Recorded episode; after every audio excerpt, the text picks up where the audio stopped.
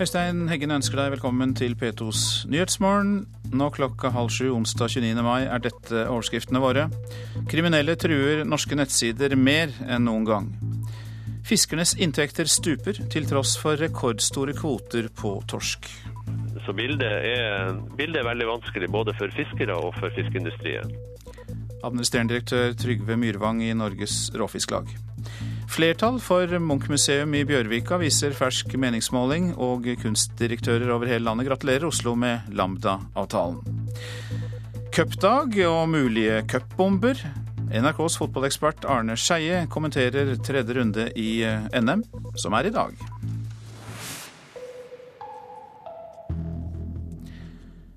Kriminelle truer norske nettsider mer enn noen gang. Det viser ferske tall fra Nasjonal sikkerhetsmyndighet. Helt vanlige nettsider blir brukt i stor stil for å spre virus, sier seksjonssjef Marie Moe. Vi har sett en eh, kraftig økning eh, siste kvartalet, hvor det har blitt innrapportert eh, hele 1700 saker til oss relatert til norske nettsteder som sprer virus til intetanende besøkende på nettstedene. Hva slags nettsider er dette? Det kan være alle slags nettsted. Det kan være alt fra store nettaviser til små blogger kan dere si hvilke nettsider det er?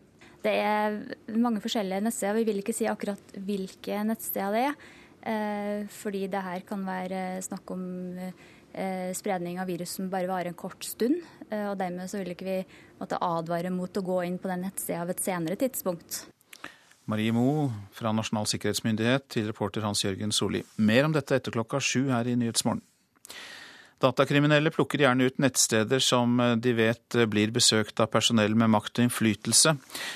Blant annet eh, gikk flere regjeringsansatte i en felle da de besøkte nettsidene til den europeiske tenketanken CEPS, altså Center for European Policy Studies. Det er Aftenposten som skriver det i dag. Nettsidene spredde spionprogrammer i minst én dag før Nasjonal sikkerhetsmyndighet ble klar over angrepet. Rekordfangster av torsk, men inntektene stuper. Hittil i år har verdien av solgt fisk gått ned med over 680 millioner kroner, 18% lavere enn i samme periode i fjor. Inntektstapet for fiskerne får dramatiske følger, sier leder Mikael Steffensen i Øksnes Fiskarlag i Nordland. Det er ikke tvil om at fiskerinæringa òg nå er, er, i en djup, djup dal. Fiskeriåret starta med tidenes mulighet til å gjøre det store varpet på havet. En rekordstor torskekvote var årsaken til optimismen. Med lave priser og krisa i de viktigste eksportmarkedene fikk fiskerne ned på jorda med et smell. Og nå begynner ungdommen å lete etter annet å gjøre i stedet for å være fisker. Ja, det har direkte innvirkning på lokalsamfunnet. Altså, man ser jo nå rundt i, i båtene det blir mer og mer utenlandsk arbeidskraft, og, eh, og, det er trenden. altså. Mange rederi må nå til utlandet for å finne for, for ungdommen. De velger noe annet. I dag er det årsmøte i Norges Råfisklag, som er fiskernes egen salgsorganisasjon. De forhandler også fram fiskeprisene. Direktør i Råfisklaget, Trygve Myrvang, innrømme at sesongen har vært tøff å takle. Ja, definitivt. Det har jo vært et av de absolutt mest krevende sesongene som vi, som vi har vært igjennom de eh, fram til eh, slutten av mai nå. Så bildet er, bildet er veldig vanskelig både for fiskere og for fiskeindustrien. Men Mikael Steffensen ser likevel framover. Han driver et rederi med fire kystfiskebåter. Han ser at kostnadene må ned, og at inntektene må opp. Derfor vurderer han og andre fiskere å kutte det tradisjonelle ferskfisket, og heller installere fryseri om bord i båtene. Frossenprisen har i snitt ligget fem kroner over ferskprisen. Fiskebåtreder Mikael Steffensen der, da. Fra Øksnes er han. Reporter var Knut Eirik Olsen. Hundeevakuering fra Flom får ikke forsikringspenger. Det er forsikringsselskapet Gjensidige som ikke vil betale regningen som Terje Frode Bakke fikk etter at han måtte evakuere 22 hunder i forbindelse med flommen i forrige uke. Regningen kom på 12 300 kroner og står ubetalt fortsatt. Bakke ble beordret av politiet til å plassere hundene i kennel, og mener det er urettferdig at han må betale regningen selv. Hallo, Frode. Ja, god dag. Det var meg med hundene, ja. Terje Frode Bakke var en av de uheldige som måtte evakuere sammen med 22 hunder fra Holt i Eidsvoll i forrige uke pga. at det var fare for at en demning skulle ryke og at store vannmengder skulle skylle bort alt han eide. Og Hvem er det du har sjekka dette med? Akkurat nå snakker han på telefon med forsikringsselskapet sitt. Han får vite at Gjensidige ikke vil ta regningen for hundeevakueringen. Det faller ikke i god jord hos den pensjonerte hundekjøreren, som sier opp forsikringen sin på stedet. Når jeg kommer i en sånn situasjon sånn som jeg er i nå, og trenger en forsikring, jeg er blitt beordret av politiet til evakuering og har hunder her, og dere sier at forsikringa ikke gjelder, da kan dere dra dit pepperen gror. Jeg kunne sette dem igjen uten mat og vann, og jeg vet ikke hvor lenge. Men det jeg vet, det er at uh, hvis hadde, flommen, hadde kommet en flom, så hadde det vært 22 bikkjer borte. Og forsikringa altså plutselig da De er så søte og hyggelige når du skal betale når du skal ha forsikring. Men når du skal ha noe tilbake når du virkelig trenger dem, så er det ikke noe. Det jeg kan si generelt, er at uh, den eh, type evakuering ikke er dekket for uh, hunder. Det forteller Bjarne Åni Rystad, som er informasjonssjef på Gjensidige skadeforsikring. De vil ikke ta regningen, og beklager at kunden er misfornøyd. Vi tar hver tilbakemelding som går på misnøye med det dypeste alvor. Og er det noe vi sterkt misliker, er jo når noen ikke er fornøyd. De sibiriske huskyene er tilbake i hundegården, men regningen på 12 300 kroner står fremdeles ubetalt. Bakke forteller at han ble beordret av politiet til å plassere hundene i kennel, og mener at det er urettferdig at ansvaret havner hos han. Ja, jeg fikk jo beskjed om at jeg skulle evakueres, og jeg sa ja, det jeg ikke ta dem. Jeg uh, har 22 bikkjer som jeg må ta meg. Jeg tenkte jeg skulle evakuere dem opp på sida og stå oppå her sammen med bikkjene. Det fikk jeg ikke lov til. Så da ba jeg politiet å ordne det, så de ordna det slik at de ble satt på to forskjellige kenneler. Hans Holm Grunns, som er stabssjef i Romerike politidistrikt, mener at evakueringen var nødvendig og han håper at Bakke nå kan komme til enighet med forsikringsselskapet eller Eidsvoll kommune. Ja, altså den, den enkelte må jo også selv eh, for så vidt eh, se på hvilke muligheter han har knyttet til forsikringsordninger. Men for øvrig vil det være da Eidsvoll kommune som er en dialogpartner. Rådmann Brynhild Hovde åpner opp for at Bakke kan søke Eidsvoll kommune om ekstraordinære midler. Men hun kan absolutt ikke love at han får noe dekket sa reporter Hanna Seferovic. Nå skal jeg si litt om det avisene skriver på sine forsider. Løsning med et skrik er oppslaget i Dagsavisen. Tøffe forhandlinger da SV snudde for tredje gang i Munch-striden i Oslo. Det var en historisk dag i går, og den kom helt uventet, skriver Aftenposten. Fremskrittspartiet og Arbeiderpartiet rystes av hestehandelen om Munch-museet mellom SV og byrådet. SV sviktet egne velgere, skriver Klassekampen. Et klart flertall av SVs velgere i Oslo vil ha Munch-museum på Tøyen, viser meningsmåling. Munch-museets store vinner er Color Line, kan vi lese i Dagens Næringsliv. Rederiet tror det blir salg av flere Oslopakker i Tyskland, og 50 000 nye passasjerer på Kiel-fergen når Lambda blir bygd. Bygde bru på vaklende treklosser, skriver Adresseavisen i forbindelse med brukollapsen på Leangen i Trondheim i begynnelsen av mai. Avisa viser bilder fra sikringen av et annet prosjekt fra samme entreprenør, som eksperter kaller dårlig og klønete. Så lett blir det kortsvindlet, er oppslaget i Dagbladet. Nå advares det mot bandenes sleipe metoder. Og vi har jo også mer om det her i Nyhetsmorgen etter klokka sju. Småbrukarlaget ber om krisehjelp til flombønder. De som får jordene oversvømt, risikerer å miste både avlinger og produksjonsstøtte. Ny vår for politipensjonister kan vi lese om i eh, Bergensavisen. Sju pensjonerte polititopper driver privat etterforskning i eh, Bergen.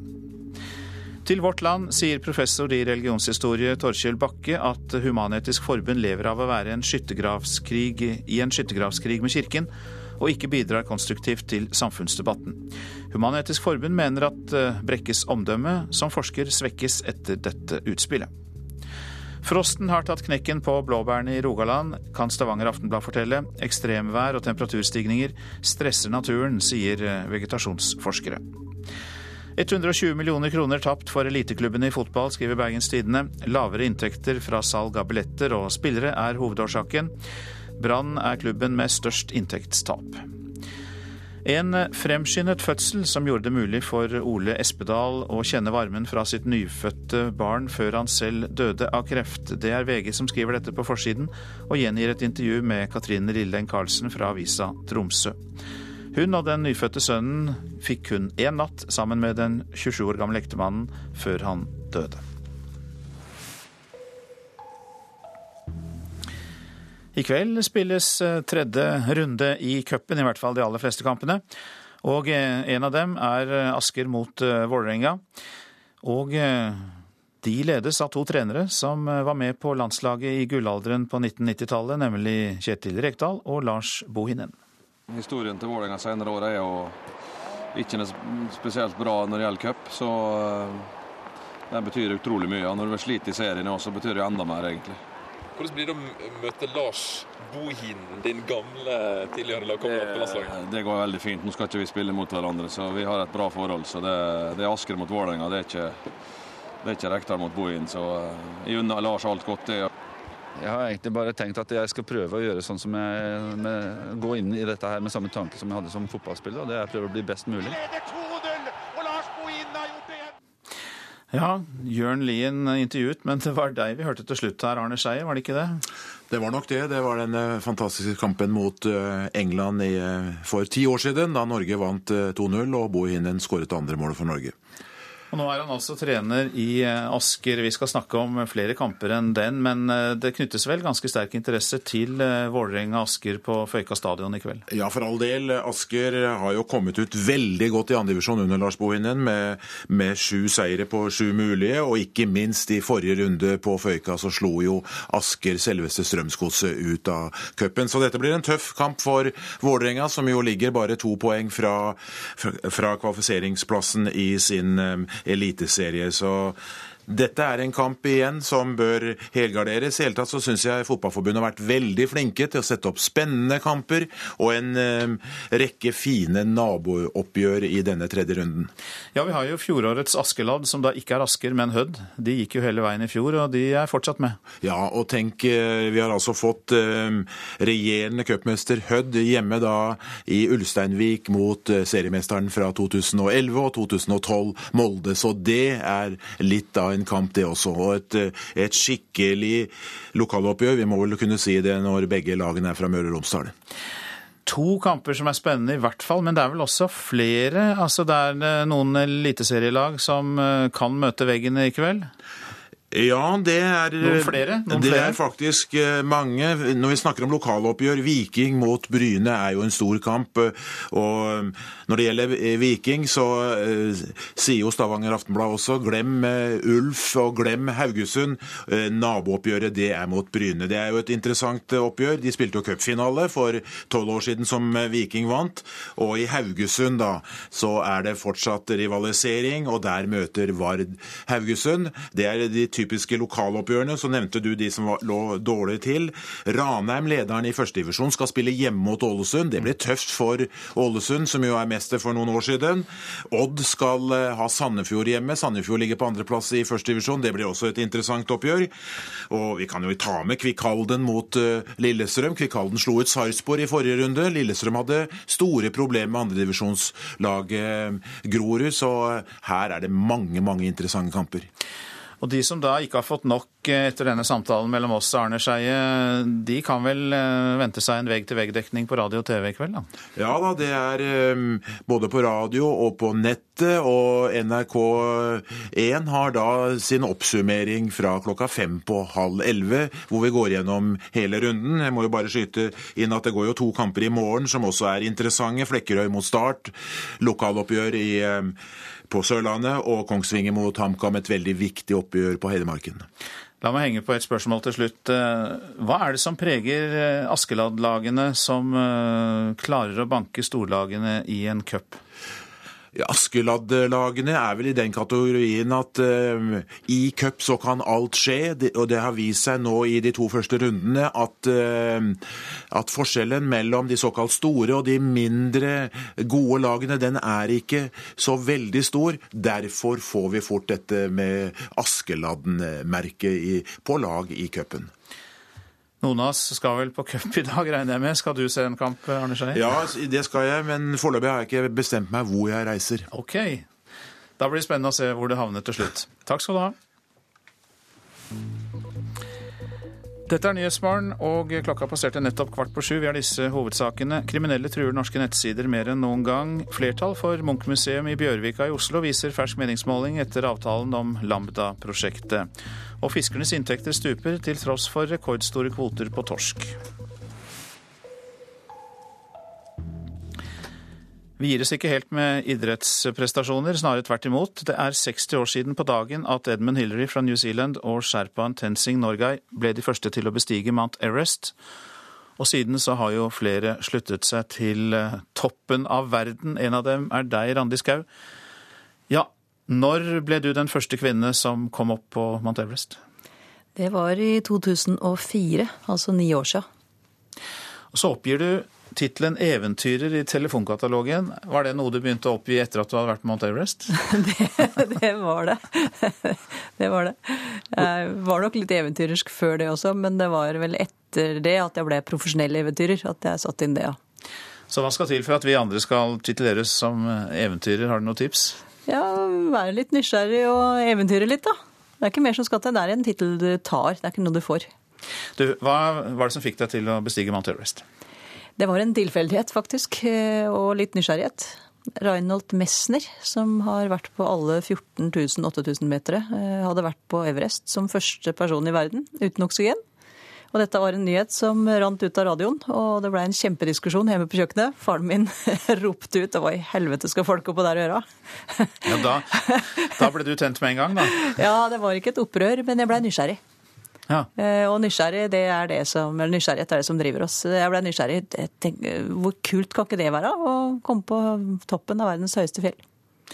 Men du har jo bedrevet ja, besøk og turer og vandringer andre steder i verden også. Det er ikke bare Mount Everest. Det er ikke noe som står alene. Du gjør også mange andre tilsvarende ting. Etter at jeg hadde vært på Everest, som jo i seg sjøl er en opplevelse som gjør at veldig mye annet blir lett, så, så, fortsatte jeg og gjorde noe som heter Seven Summits, det høyeste fjellet på hvert kontinent. Mm.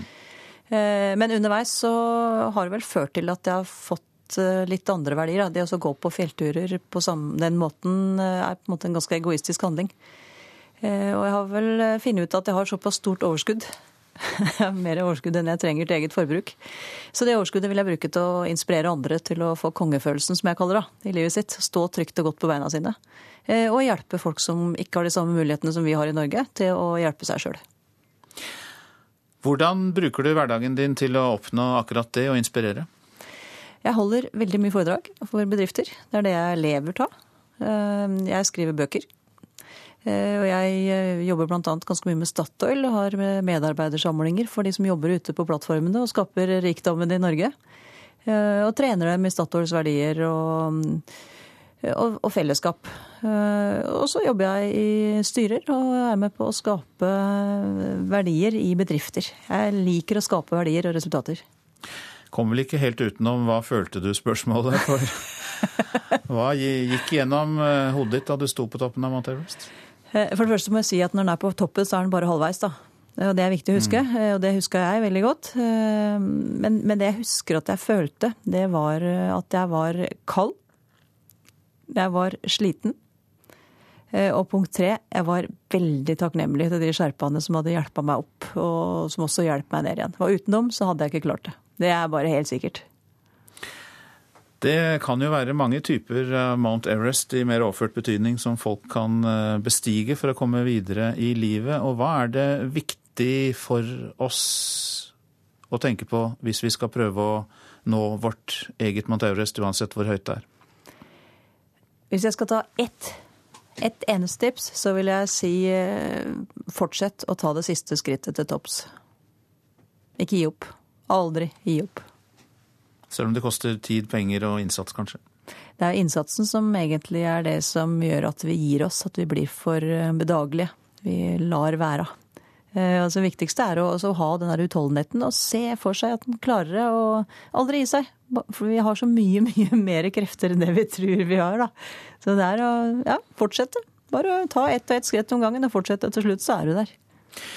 Og de som vil vite mer, de kan jo titte litt på din hjemmeside også. Det er vel randiskau.no? Ja, skau med G. Ja, nettopp. Ja. Da kan de hente litt mer inspirasjon der. Så kan de følge med på Sakteruta i sommer. Som er? Sakteruta.no. Det er altså ikke Hurtigruta, men det er Sakteruta. Og det er et kajakkeventyr som jeg har langs eh, norskekysten, som jeg starta i fjor. Og som jeg muligens blir ferdig med i år. Det tar den tida det tar. Eh, poenget er at jeg skal gjøre hver dag til en fordømt god dag. Da følger vi på det òg. Randi Skau, hjertelig takk for at du kom til Nyhetsmorgen. Så til eh, Munch-museet, som vi fikk en overraskende nyhet omkring i går. Folk flest ønsker eh, museet i Oslo velkommen. I en undersøkelse Norstat har gjort for NRK, svarer 55% at de er positive til at det blir nytt eh, Munch-museum, men 26 eh, er negative til planene i Bjørvika. I går ble det altså kjent at det nå er flertall i bystyret for å bygge det omstridte høyhuset Lambda. Og på gata i hovedstaden så var meningene delte. Jeg tror det kan være fint. Ja. Jeg liker jo egentlig at Munch-museet er på Tøyen nå. Syns det er fint, jeg. Ja. Ja. Flott. Jeg mener at det er, en, er eh, på tide å få en løsning. Nå har de krangla i årevis. og eh, Millionene går på nye utredninger, så jeg syns at det er greit. Eh, at, det, at det ble en, en, beslutning på det, og det tror jeg vil passe bra ja, med, med, de andre kulturbyggene som vil bli her i, her, som er allerede også her i Bjørvika. Så jeg syns det er OK. Jeg syns vi fortsatt skulle hatt det på Tøyen, ja da. Munchmuseet. Det var noen synspunkter fra gatene i Oslo. Nå til kunstdirektører eh, i resten av landet, som eh, også gratulerer Oslo med å ha fattet en beslutning for plasseringen av eh, Munch-museet. Samtlige tror den fastlåste situasjonen har vært skadelig for Norge som kunstnasjon, men gleder seg altså over at det endelig er en løsning.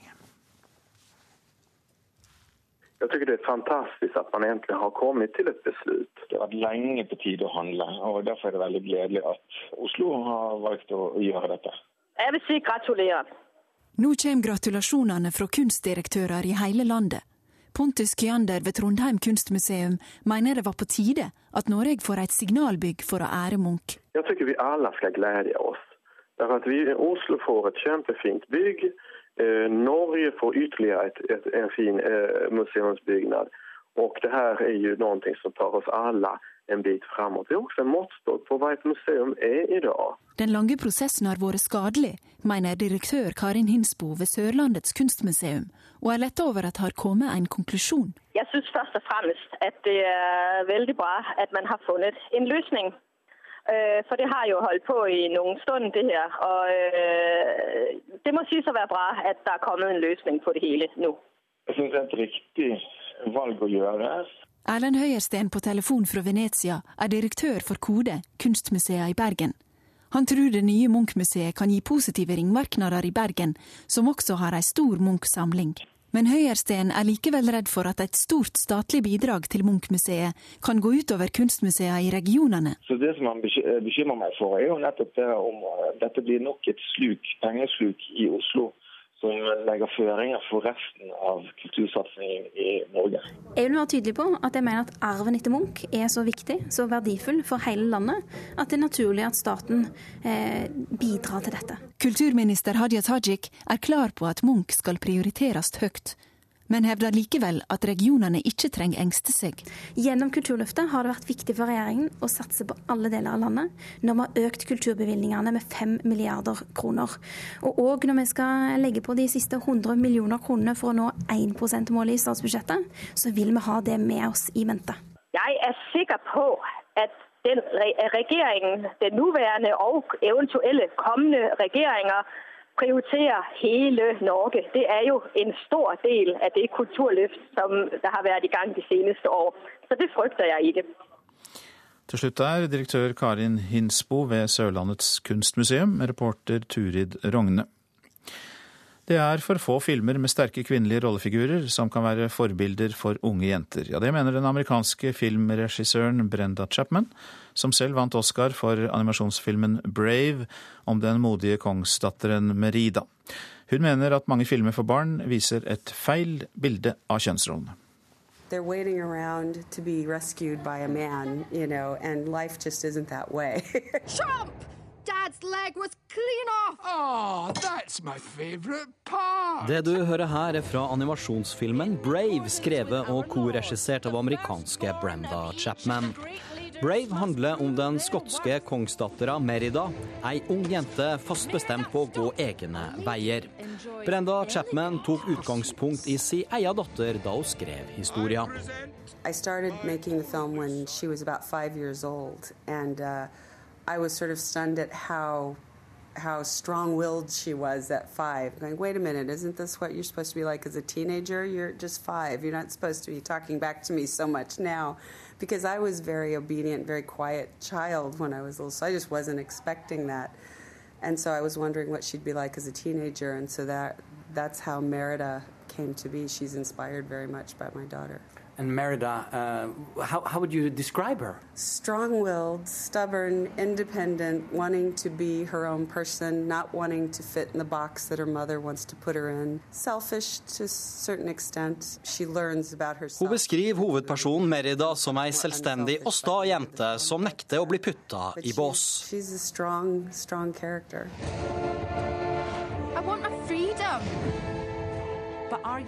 Brenda Chapman er i Tromsø i forbindelse med barnefilmfestivalen Verdens beste, som arrangeres for aller første gang denne uka. Den Oscar-belønte regissøren er brennende opptatt av å skape kvinnelige filmkarakterer som kan fungere som forbilder for unge jenter. Samtidig er hun skeptisk til filmene som handler om unge kvinner som bare sitter og venter på den store kjærligheten. Slik er nemlig ikke virkeligheten, mener Brenda Chapman. So that, that strong female characters for little girls to aspire to or, or young women to aspire to or that mothers would be proud to you know be happy to have their daughter sit down and watch you know there are other things in life besides finding your mate you know it's yeah that's lovely you know that you can find someone to be with but there's so much more to life beyond that Chapman er nå tilknytta det amerikanske animasjonsstudioet Dreamworks, selskapet som i 1998 produserte hennes første store animasjonsfilm, 'Prinsen av Egypt'.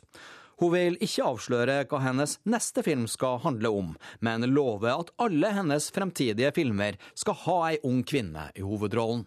You know, I, I took me a while to come to that decision because I just always thought I just would like to make great stories. You know, it didn't matter male, female, just as long as it was a good story that people could relate to. But after having done Brave and realizing that there's there's just not enough Det er altfor få filmer med kvinnelige forbilder og helter for unge jenter. Derfor vil jeg fokusere på nettopp det, sier Brenda Chapman. Until are, yeah, I'm going to be doing uh, films with strong female characters. If you had the chance to change your fate, would?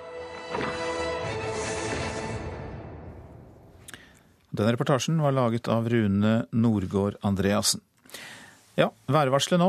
Fjell i Sør-Norge. Først på dagen kuling utsatte steder i Langfjella. Etter hvert regnbyger i Langfjella. Ellers opphold, og i nord til dels pent vær.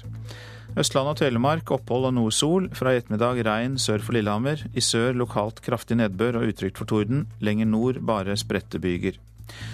Agder liten kuling på kysten øst for Lindesnes. Etter hvert regn og regnbyger. Lokalt kraftige byger kan hende med torden. Vestlandet tilskyende i Rogaland, ellers pent vær. Fra i ettermiddag spredte regnbyger, særlig i indre strøk og i Rogaland. Trøndelag og Helgeland, Saltfjellet, Salten og Ofoten stort sett pent vær. Lofoten, Vesterålen og Troms enkelte ettermiddagsbyger i Troms, ellers pent vær. I kveld kan hende tåke ytterst på kysten.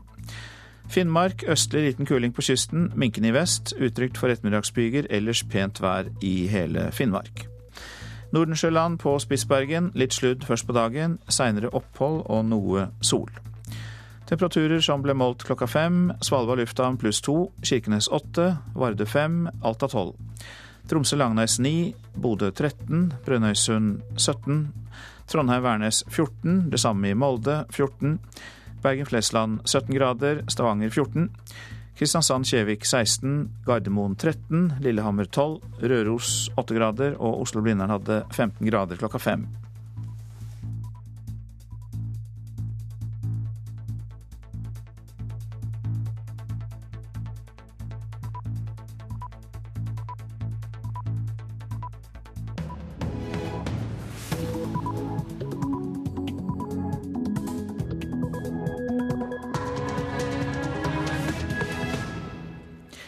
Ja, nå klokka sju så lytter du til P2s Nyhetsmorgen, og dette er en eh, nyhetsoppdatering. Flere sentrale Frp-ere ser ikke nytten av å bli med i en eventuell ny regjering dersom Venstre og KrF blir med. Skal få gjennom mest mulig av vår politikk, så er vi nødt til å ha eh, kun to partier. Jeg ser at det er enkelte ting som eh, vi er enige med med Venstre, og enkelte ting vi er enige med med KrF. Men hvis vi tar alle fire samlet, så blir det veldig vanskelig. Christian Tybring-Gjedde, leder i Oslo Frp. Kriminelle bander herjer på norske nettsteder, sprer virus som aldri før. Det har blitt innrapportert hele 1700 saker til oss relatert til norske nettsteder som sprer virus til intetanende besøkende. Seksjonssjef Marie Mo i Nasjonal sikkerhetsmyndighet. Flertall for Munchmuseum i Bjørvika viser fersk meningsmåling, og kunstdirektører over hele landet gratulerer Oslo med Lambda-avtalen.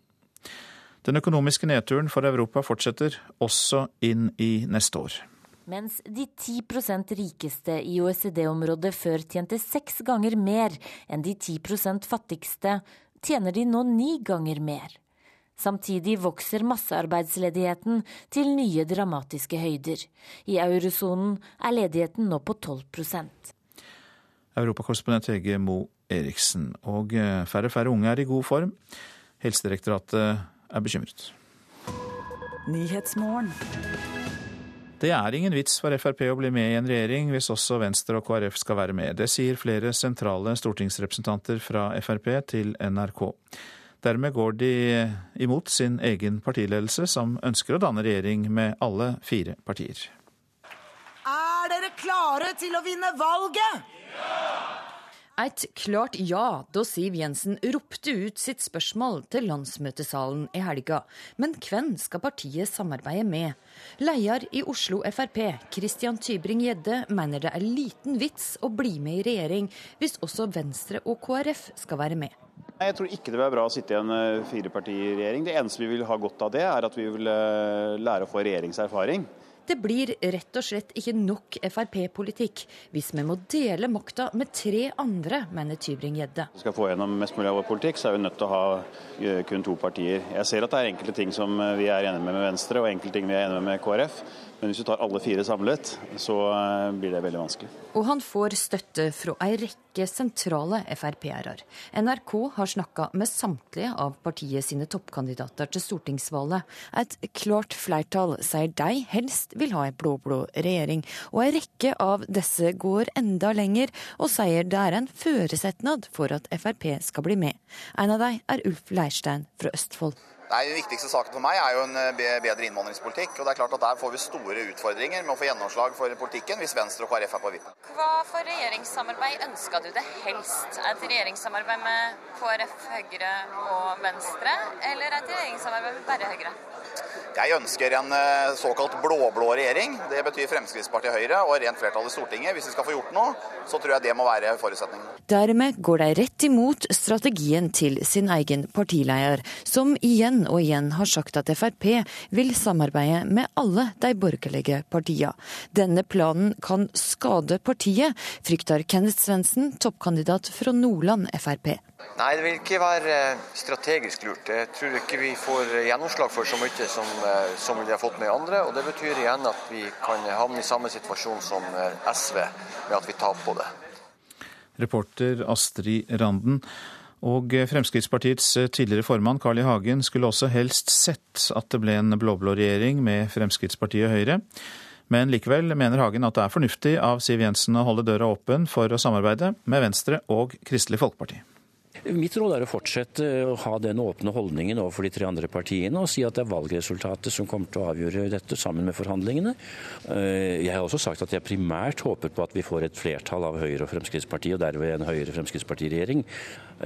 Men kan jo ikke avvise muligheten for en firepartiregjering. Og det naturlige er at etter valget, hvis det er et borgerlig flertall, så må de komme sammen og finne ut er det grunnlag for forhandlinger om en firepartiregjering, en trepartiregjering eller en topartiregjering.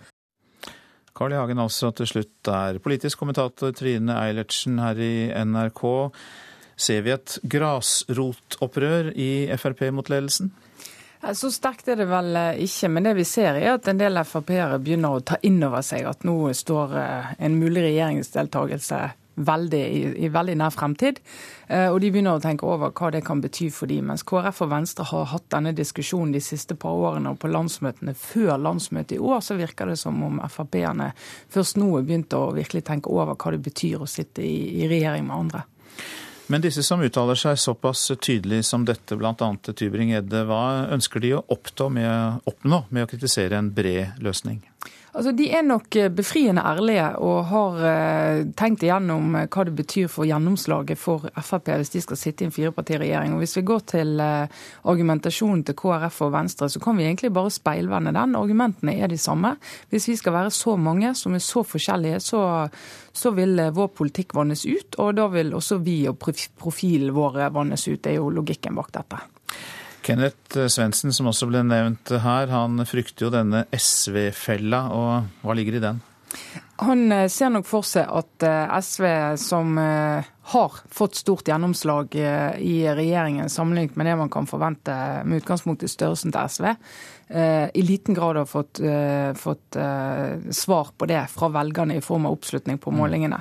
Man sitter altså på innsiden av regjeringen og må ta ansvar for veldig mye politikk som ikke er partiets politikk, samtidig som man da ikke greier å selge nok de seirene man får. Og det er klart For et Frp som aldri har vært i regjering før, og som gjør det dårligere på målingene enn på, på lang tid, så er det frykten å sette seg i en sånn regjering, komme ut i andre enden og være enda svakere. Ja, Da kan man jo lure på hvorfor Siv Jensen fortsatt insisterer på at eh, hun vil samarbeide med alle de borgerlige partiene? Det har nok vært en, eh, en eh, stilltiende avtale om at Frp er nødt til å si i hvert fall det. Når de sier at de ikke skal sitte i en støttende regjering de ikke sitter i, så må de i hvert fall si at de er åpne for å snakke med alle. Hvis ikke begynner det å bli veldig, veldig umulig, hele prosjektet. Hvordan innvirkning kan Oslo-politikken ha her? For eh, der hører vi at Frp reagerer sterkt på at byrådet har gått inn i en avtale med SV om Munchmuseet Lambda, altså det borgerlige byrådet der Frp ikke er med. Altså, jeg tror ikke det har så stor innvirkning. Vi ser ofte at eh, den type enkeltsaker eh, fremstår veldig dramatiske akkurat i, perioden der de skjer, men så begynner den politiske hverdagsfornuften å slå inn, og da finner de hverandre, de som har en det til felles. Så jeg vil ikke tro at det sildrer over i, i rikspolitikken. Men oppsummert så kan vi vel si at av de fire som skal samarbeide på borgerlig side, så kan man jo registrere skepsis nå da både i Frp og i KrF og i Venstre. Så det er egentlig bare Høyre, som favner alle uten formål. Ja, det er det jo. Selv Høyre og Erna Solberg sier jo at de, de, ser at det ikke er veldig veldig sannsynlig, men de håper jo fremdeles på at de skal kunne sette seg ned sammen, eh, og at eh, valgresultatene skal påvirke en del sinnsstemninger, og en del skal finne ut at det er noe tross alt bedre å sitte på innsiden enn på utsiden. Men fire partier, det virker fjernt akkurat nå, altså. Mange takk for at du kom til oss og kommenterte. Trine Eilertsen. Nå skal vi høre om kriminelle som truer norske nettsider mer enn noen gang. Ferske tall fra Nasjonal sikkerhetsmyndighet viser at helt vanlige nettsteder nå blir brukt i stor stil for å spre virus. Kriminelle nettverk vil tappe PC-en din for viktig informasjon for å tjene penger, advarer myndighetene. Her eh, ser vi skjermer hvor det da eh, blinker rødt, og da går alarmer i Alarmen i operasjonssenteret til Nasjonal sikkerhetsmyndighet i Oslo går stadig oftere. Og det siste kvartalet har overvåkerne her opplevd en ny trend. Nå blir nemlig virusangrepene rettet mot helt vanlige norske nettsider, sier seksjonssjef Marie Mo. Det kan være alle slags nettsted. Det kan være alt fra store nettaviser til små blogger. Økningen i slike angrep er voldsom. Siste kvartal i fjor ble det registrert 300 saker. Første kvartal i år er tallet 1700. Kriminelle planter virus for å tjene penger, sier Mo. F.eks. et virus som løsepengevirus, som fryser maskina di kreve penger for at den skal uh, kunne virke igjen. Eller det kan være en nettbanktrojaner som uh, kan ligge i bakgrunnen og skjule seg og lytte etter uh, innloggingsdetaljer til nettbanken din. Så de kan være ute etter pengene våre? Ja, det er jo da ofte økonomiske motiv som står bak der. Det er ofte organisert kriminelle som da bruker denne typen skadevare til å tjene penger. Nasjonal sikkerhetsmyndighet vil ikke si hva slags nettsider som er infisert av virus. Virusene blir nemlig fjernet raskt, i alle fall i de fleste tilfellene. Nasjonal sikkerhetsmyndighet vil heller ikke si at risikoen for å tape penger i nettbanken nå er stor. Bankene er nemlig flinke til å rydde opp. Men Nasjonal sikkerhetsmyndighet vil likevel si at du må passe deg. Du må på en måte ta på deg sikkerhetsbeltet når du er på nettet. Jeg syns ikke man skal være redde eh, hvis man tar normale forhåndsregler som må eh, ha oppdatert eh, antivirus og ha oppdatert alle programmer. Så, det, så skal man ikke være redd for å bruke internett. Men det er jo mange som ikke vet hvordan de oppdaterer, og de tviler jo også på om de boksene som kommer opp faktisk er ekte, eller om det også er et virus. Ja, Det er viktig å være litt kritisk til hva man installerer på, på datamaskinen sin. Eh, det finnes jo også virus som utgir seg for å være antivirus. Eh, så man bør sjekke det stedet som man installerer et, et program fra. Eh, og også da kanskje gjøre litt forhåndsresearch for å finne ut om det her dreier seg om legitim programvare eller ikke. Reporter var Hans Jørgen Solli og Eirik Solheim, velkommen til deg. Takk for det. Du er redaktør i NRK Beta og sitter med disse problemstillingene til daglig. Ja, virus som kaller seg selv antivirus, det høres jo veldig skummelt ut. Er du overrasket over denne flommen, denne økningen av angrep? Altså egentlig Alt som handler om internett og mobiltelefoner og datamaskiner øker jo generelt. Vi bruker det mer og mer, og vi bruker det til flere og flere ting. Og vi flytter oss sakte, men sikkert fra kontanter til å betale mer på nettet, og da flytter de kriminelle seg etter for å være like sleip der som de har vært når de har prøvd å stjele lommeboken din på gaten. Så det, det er en generell økning av alt, både bruken og det kriminelle. Vi er vant til å høre at vi ikke skal laste ned vedlegg vi ikke er sikre på, ikke åpne sider vi ikke kjenner ordentlig godt til. Men er det tilstrekkelig? Kan vi bli lurt selv om vi passer på slike ting? Det er en sånn evig katt og mus-lek hvor vi lærer hva vi skal gjøre for å unngå problemer, og så finner de kriminelle nye måter å gjøre det på. Så det gjelder også å følge med litt. Men også være litt sånn generelt kritisk når du klikker på en lenke, og disse her URL-ene, altså selve adressen, det står HTTP, kolon og noen sånne skråstreker og greier. Lær deg litt hva det betyr. Øverst i nettleseren så ser du den linken, det er der hvor det står gjerne da nrk.no eller vg.no, der hvor du skal. Ta en titt på den. Ikke klikk på sånne linker hvis ikke du har fått hvis du får det i mail fra en som du er litt usikker på og sånn. Der er de blir sleipere og sleipere på den måten. Um, betalingssteder, PayPal, som er stedet vi betaler mye, der er det noen som da klarer å lage en adresse som er PayPal, men det er ikke L, det er I istedenfor. Så vær nøye med å sjekke adressen og hva du klikker på. Ikke klikk hvis ikke du er helt sikker på at du har fått adressen fra en du kjenner.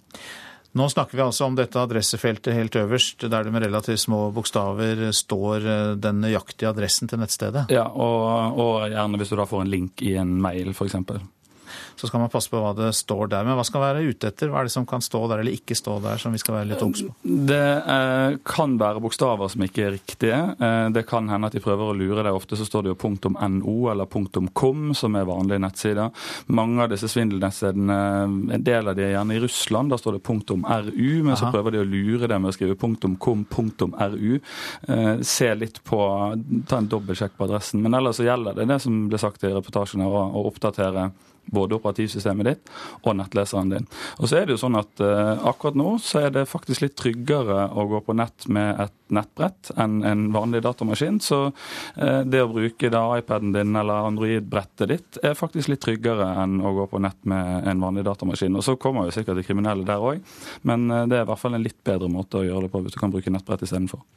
Jeg følte at mange der ute pustet lettet ut nå, Eirik Solheim, over at nettbrettet faktisk er litt mindre risikofylt å bruke for tiden. Ja, nettbrett og mobiltelefon faktisk. Det er litt høyere sikkerhet, og det er ikke så mange virus. Det er selvfølgelig muligheter for problemer der òg, men det hjelper å bruke det. Og så er det jo å oppdatere både nettleseren og operativsystemet. Hvis du har en datamaskin med en litt sånn gammel versjon av Windows og en litt gammel nettleser, da er du ekstra utsatt. Så, så ta og bytt ut. Og hvis du ser at maskinen din er for gammel til å kjøre siste versjon av Windows, Windows, så kan du, hvis du er litt eventyrlysten, prøve å installere Linux, som høres ut som noe veldig nerdete greier. Men det blir mer og mer tilgjengelig, og er også generelt litt tryggere enn Windows, f.eks.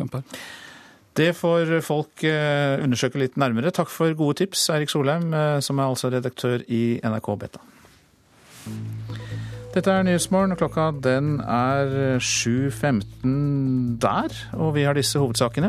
Flere sentrale Frp-ere ser ikke nytten av å bli med i en eventuell ny regjering dersom Venstre og KrF blir med. Kriminelle bander herjer altså på norske nettsider og sprer virus som aldri før, som vi nettopp har snakket om.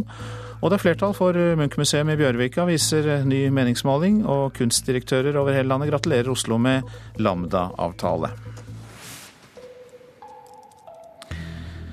Den økonomiske nedturen for Europa fortsetter også inn i neste år. Arbeidsledigheten fortsetter å øke. Mannen som sier dette, er Angel Gurria, som er generalsekretær for OECD, Organisasjonen for økonomisk samarbeid og utvikling. Well, basically, when you're moving in the wrong direction at high speed and you don't change course fast, you're going to hit yourself against a wall and suffer a very uh, big accident. Kjører du i høy fart mot veggen uten å endre kurs, så vil det ende i en alvorlig ulykke, sier generalsekretær Angel Goria i Organisasjonen for økonomisk samarbeid og utvikling, OECD. For verden styrer i ekspressfart i feil retning, sier Goria. Gapet mellom fattig og rik øker. Mens de 10% rikeste i OECD-området før tjente seks ganger mer enn de 10% fattigste, tjener de nå ni ganger mer. Samtidig vokser massearbeidsledigheten til nye dramatiske høyder. I eurosonen er ledigheten nå på 12% High unemployment, still growing in some places, like Europe. Mostly by the young. Ulikhetene vokser, det samme gjør arbeidsledigheten. På den ene siden har man folk med en enorm inntjening, på den andre folk i store vanskeligheter.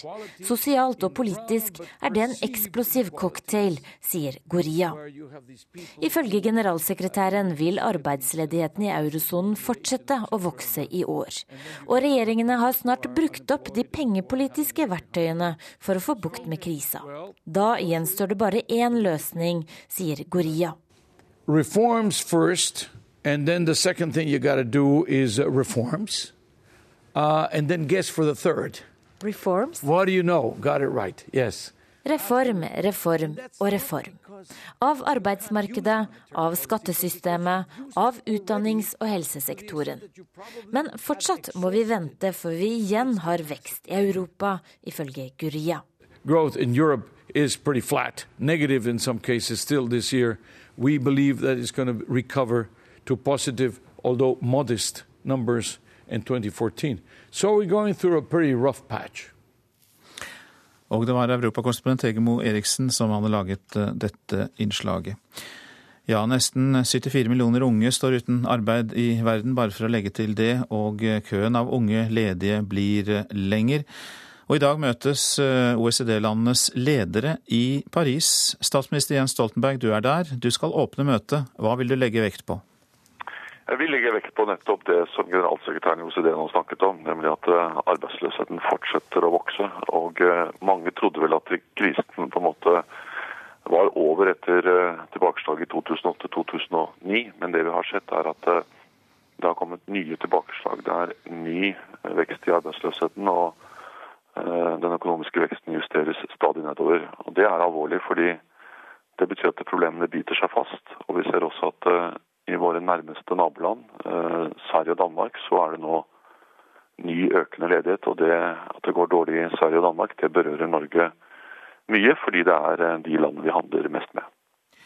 Gorie han sa jo at eh, det som trengs er reform, reform og reform. Det jeg lurer på er hvordan man kan da reformere økonomien uten at det går utover det svakeste, uten at sosiale goder forsvinner? Det er det som er den store utfordringen. En del reformer er mulig å gjøre og har klar eh, god sosial effekt, i tillegg til at det styrker budsjettbalansen og eh, bidrar til å redusere eh, ledigheten. F.eks. det som er et hovedtema her nede. Reformere skattesystemet, tette skattehull. Det vil bidra både til å styrke budsjettene, men i tillegg til å gi fellesskapet økte inntekter til å drive sosiale programmer, utjevne inntektsulikheter. Fordi Det som er alvorlig, er at den økende ledigheten rammer så veldig urettferdig. Den øker de sosiale forskjellene, den skaper sosial ulikhet og uh, den skaper stor uh, utrygghet. Noe som også kan føre til ny politisk uro. Så Sosial ulikhet er en uh, veldig alvorlig konsekvens av den økende arbeidsløsheten. Hvem er det på dette møtet du vil møte mest gjenklang hos eh, når det gjelder den bekymringen for sosial ulikhet og urettferdighet, Stoltenberg? Jeg tror kanskje ikke minst i selve OECD-sekretariatet. altså OECD er en organisasjon for verdens industriland. De har blant verdens beste fagfolk, eh, økonomer, og de har lagt fram tall som viser at ulikhetene vokser. Eh, og de er dypt urolige for det. Både fordi rettferdighet i seg selv er et gode, at alle har de samme mulighetene, men også fordi at eh, ulikhet undergraver økonomisk vekst. Fordi mennesker stenges ute. De får ikke bidra til økonomien. Og det er eh, både et sosialt og menneskelig problem for de menneskene som ikke får delta, men det svekker også vekstevnen i økonomien. Og det er noe som OECD har lagt stor vekt på gjennom eh, flere år. Vi klarer oss jo relativt bra fortsatt i Norge, Stoltenberg. Er det flaks eller dyktighet, oljeinntekter eller god økonomisk styring? Det er en kombinasjon. Vi er heldige som har eh, oljen, men eh, verden er full av eksempler på land som har hatt store inntekter fra naturressurser, og så misbrukt de mulighetene. Eh, det Norge har gjort, er å forvalte dem på en god måte. Først og fremst ved at vi har vært varsomme med å bruke pengene. Vi bruker bare avkastningen av pensjonsfondet, og dermed sikrer vi en forsvarlig bruk, og det gjør at vi også holder orden i norsk økonomi. Og Det får vi mye anerkjennelse for i OECD, at vi har greid å være forsvarlige og ansvarlige i pengebruken, og samtidig reformere pensjonssystemet vårt, eh, styrke utdanningssystemet, og nå også varsle at vi gjør noe med skattesystemet. Takk skal du ha, statsminister Jens eh, Stoltenberg. Du skal altså åpne toppmøtet til OECD-landene i eh, Paris i dag. Norges bonde- og småbrukarlag ber eh, landbruksministeren om å fravike regelverket for produksjonstilskudd for flomrammede bønder. Årsaken er at bøndene som rammes av våte jorder og ødelagte avlinger, ikke får erstatning fra Naturskadefondet. I et brev til landbruksministeren krever Norges bonde- og småbrukarlag en endring i reglene for produksjonstilskudd. Bønder som er verst rammet av flommen, får erstatning fra Naturskadefondet men bønder som bare rammes av våte jorder og ødelagte avlinger, får dårligere produksjon og dermed dårligere inntekt. Pga. det igjen får de mindre produksjonstilskudd og rammes dermed dobbelt av flommen, sier Merete Furuberg, leder i Småbrukarlaget til Nasjonen. Hun ber landbruksministeren gi en dispensasjon for å lette den økonomiske belastningen for bøndene dette gjelder. Furuberg får støtte av fylkeslederen i Oppland Senterparti, Ivar Odnes, som sier det er vanskelig å spå hvor store inntektstapene kan bli for bøndene. Furuberg fra Småbrukarlaget ønsker også at kommunene skal kunne foreta raskere saksbehandling i forbindelse med naturskader. Landbruks- og matdepartementet hadde ikke anledning til å kommentere Småbrukarlagets brev overfor Nasjonen. Det sa reporter Andreas Meyer Eide. Så til eh, det avisene skriver om i dag. Løsning med et skrik er oppslaget i Dagsavisen. Tøffe forhandlinger da SV snudde for tredje gang i Munch-striden. Det var en historisk dag i går, og den kom helt uventet, skriver Aftenposten. Fremskrittspartiet og Arbeiderpartiet rystes av hestehandelen om Munch-museet mellom SV og byrådet. SV sviktet egne velgere, skriver Klassekampen. Et klart flertall av SVs velgere vil ha Munch-museet på Tøyen, viser meningsmåling. Munch-museets eh, store vinner er Color Line, kan vi lese i Dagens Næringsliv. Rederiet tror det blir salg av flere Oslopakker i Tyskland og 50 000 nye passasjerer på Kiel-fergen. Bygde bru på vaklende treklosser, skriver Adresseavisen i forbindelse med brukollapsen på Leangen i Trondheim i begynnelsen av mai. Avisen viser bilder fra sikringen av et annet prosjekt fra samme entreprenør, som eksperter kaller dårlig og klønete. Så lett blir du kortsvindlet, er oppslaget i Dagbladet. Nå advares det altså mot bandenes sleipe metoder. Ny vår for politipensjonister kan vi lese i Bergensavisen. Sju pensjonerte polititopper driver privat etterforskning i Bergen. Til Vårt Land sier professor i religionshistorie Torkil Brekke at Human-Etisk Forbund lever av å være i skyttergravskrig med kirken og ikke bidrar konstruktivt til samfunnsdebatten. Human-Etisk Forbund svarer at eh, Brekkes omdømme som forsker svekkes etter dette utspillet. Frosten har tatt knekken på blåbærene i Rogaland, kan Stavanger Aftenblad fortelle. Ekstremvær og temperatursvingninger stresser naturen, sier vegetasjonsforskere. 120 millioner kroner er tapt for eliteklubbene i fotball, skriver Bergens Tidende. Lavere inntekter fra salg av billetter og eh, salg av spillere er hovedårsakene. Brann er klubben med størst inntektstap. En fremskyndet fødsel som gjorde det mulig for Ole Espedal å kjenne varmen fra sin nyfødte sønn før han selv døde av kreft. Det er VG som skriver dette på forsiden, og gjengir et intervju som Katrine Lilleheng Karlsen har gitt til avisa Tromsø. Hun og den nyfødte sønnen fikk kun én natt sammen med den 27 år gamle ektemannen før han døde.